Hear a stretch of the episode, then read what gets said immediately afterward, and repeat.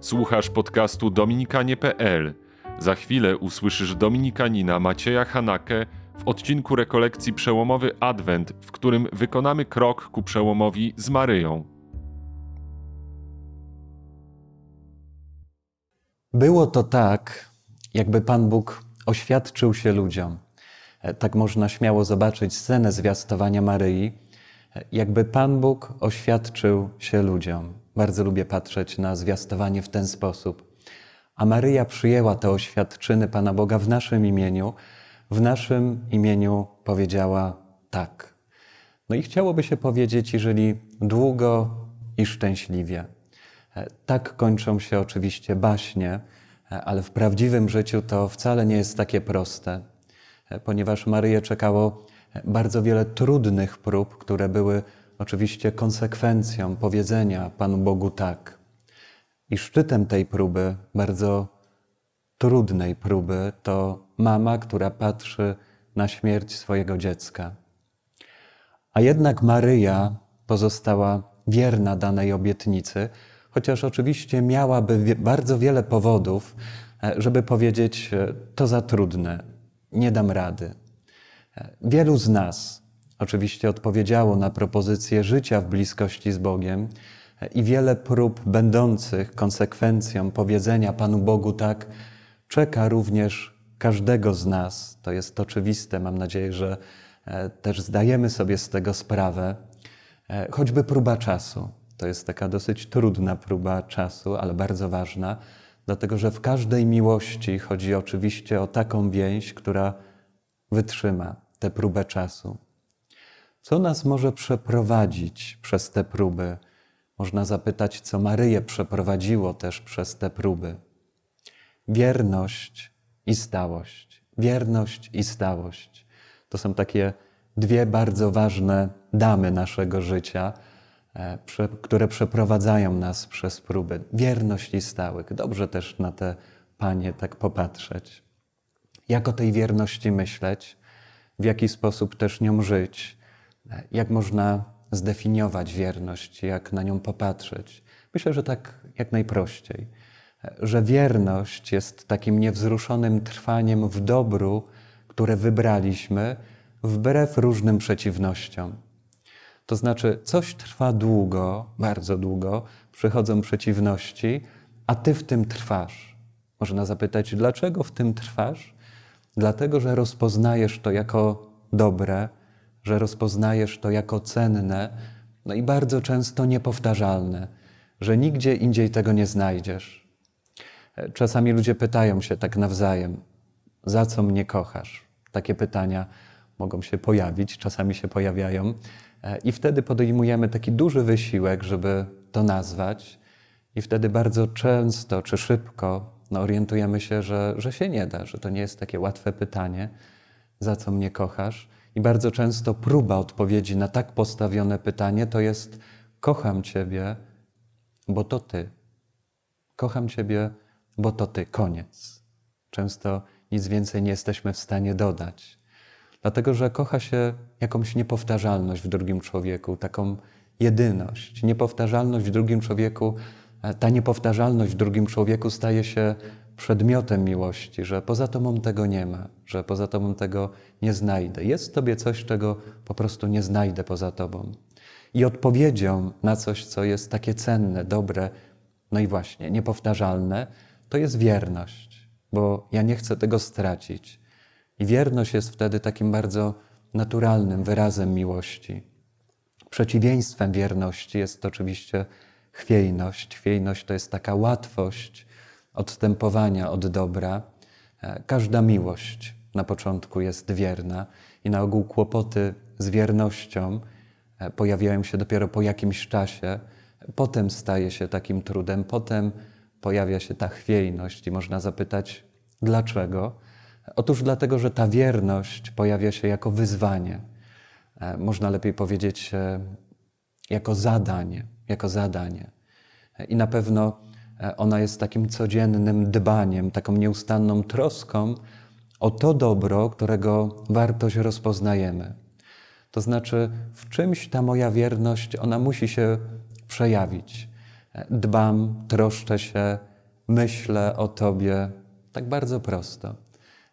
Przestaję się troszczyć i dbać, kiedy coś nie ma albo traci dla mnie wartość.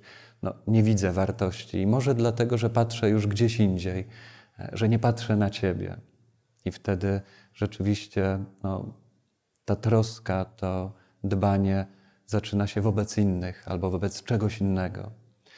A tego też nie unikniemy, że bardzo często znajdziemy się w takich sytuacjach, w których coś będzie usiłowało tę wierność popsuć. I teraz jest ważne, czy temu czemuś będę potrafił powiedzieć nie. Na to nie ma zgody, dlatego że to niszczy.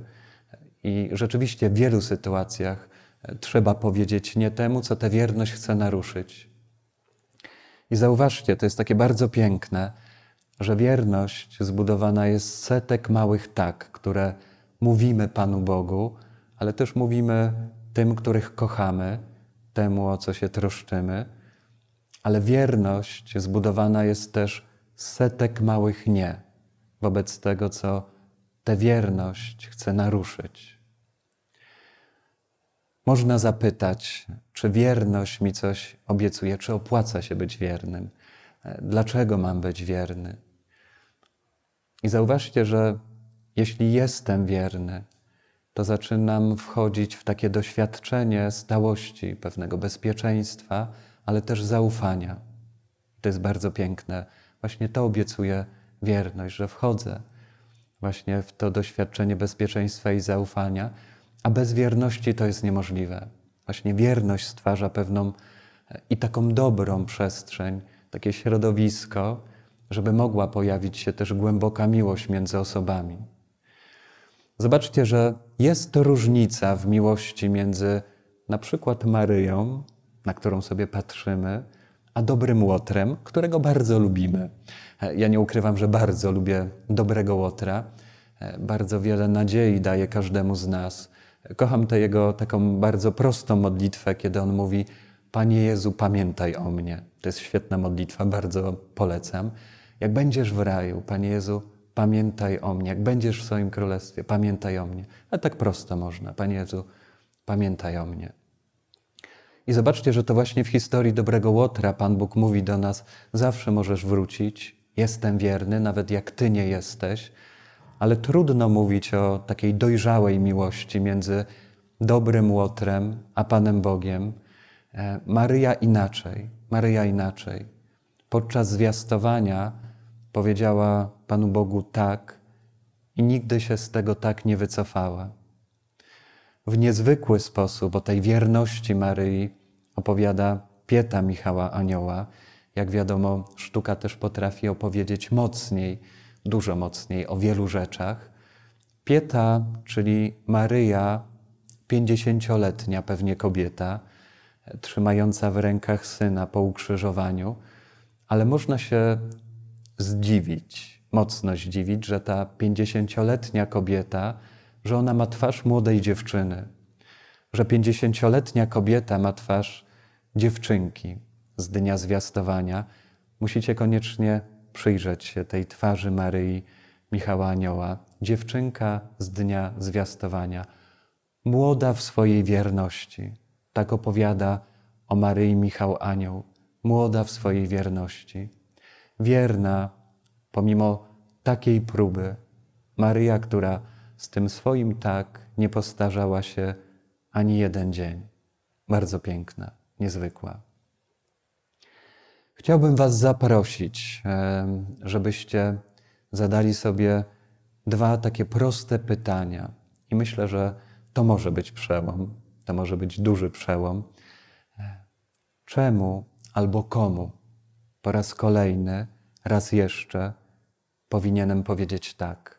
Czemu albo komu po raz kolejny, raz jeszcze powinienem powiedzieć tak? I drugie pytanie: czemu albo komu po raz kolejny, raz jeszcze powinienem powiedzieć nie? Nie zgadzam się na to. Wierność jest ważna, ale jak słusznie zauważył jeden z naszych braci, Czymś innym jest się na coś zgodzić i trwać w tym, a czymś innym tym się ucieszyć i trwać w tej radości swojej decyzji. Co innego jest powiedzieć tak, a co innego jest mieć taką radość w sercu, że się powiedziało tak. I to taką radość właśnie, która trwa, e, która szybko się nie kończy, nie kończy. E, Na przykład takim stwierdzeniem, no to teraz już trzeba, jak się zgodziłem, no to już trzeba. Chodzi nam też o taką radość, żeby w tym trwać, w tych decyzjach, decyzjach i mieć tę radość w sobie. Maryja zgodziła się i potrafiła się tym ucieszyć, rozwinąć te decyzje w radość, która trwa i też zaraża innych. To widać w spotkaniu z Elżbietą zaraz po zwiastowaniu. Ale to jest istotne, bo wiele razy w naszym życiu zgadzamy się na coś, decydujemy się na jakieś konkretne dobro, wypowiadamy te nasze małe tak, no ale później z różnych powodów jakby gaśniemy, stajemy się obojętni. No już nie zawsze jest ta radość, a nawet często pojawia się takie stwierdzenie, to, to właściwie dlaczego ja się zgodziłem, albo żałujemy, że się na coś zgodziliśmy. Potrafimy bardzo szybko deprecjonować dobro, które wybraliśmy. I nawet jeśli decydujemy się na coś wartościowego i pięknego, to od razu dostrzegamy jakieś słabe strony. Maryja na pewno uczy nas nie deprecjonować, to znaczy nie poniżać tego, co jest dobre i tego, co jest wartościowe w naszym życiu, a na co się zdecydowaliśmy. Choć jak to bywa z każdym dobrem, często może nas to bardzo wiele kosztować i bywa oczywiście wymagające, ale są takie rzeczy, które warte są trudu, żeby je podjąć.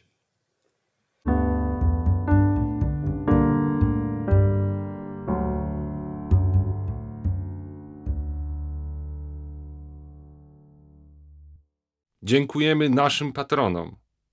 Bez Was nie moglibyśmy głosić w tej formie.